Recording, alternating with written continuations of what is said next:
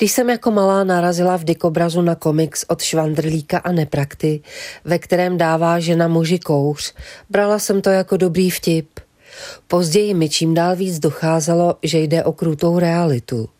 Pro spoustu žen je teror způsobem komunikace s mužem a někdy i s celým okolím. Časem jsem si ale začínala všímat i vtípků, kde inkasovaly naopak ženy od mužů. Nejčastěji to byly dívky vyplácené řemenem otců se zbytnělým nosem s vrásněným růžovkou. Často se mi zdá, že na těchto vtipech vyrostlo několik generací sadomasochistů.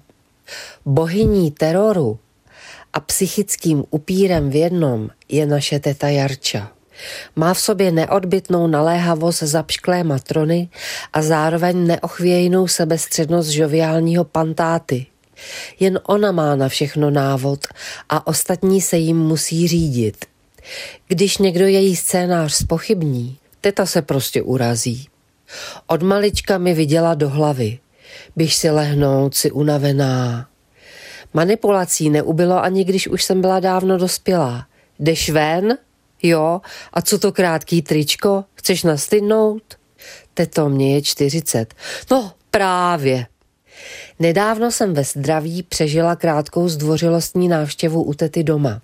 A tak jsem se na schodech zatetelila, že tentokrát vyváznu jen s minimální pachutí ze zbytečné konverzace, když se z druhého patra ozvalo hromské. Evo, vrať se, mám pro tebe jar. To je dobrý, já nechci jar, křikla jsem v poklusu směrem vzhůru.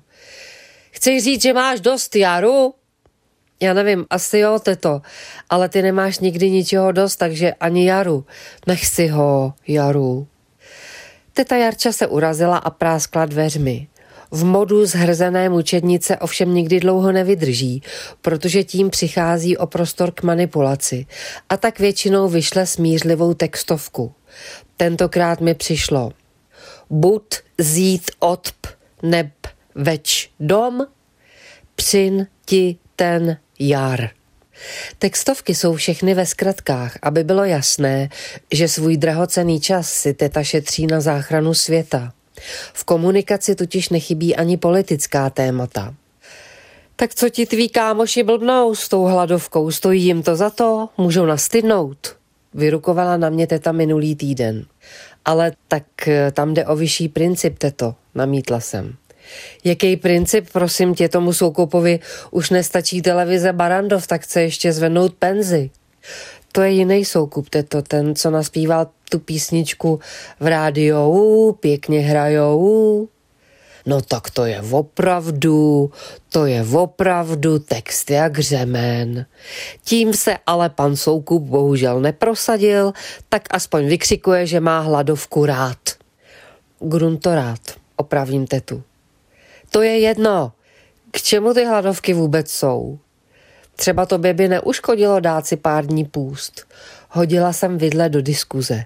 Teta bez pozdravu odkráčela do svého pokoje. Druhý den mi přišlo. To já, kdyb slož takov písnič jako souk, tak by nik nedrž hlad za můj duch.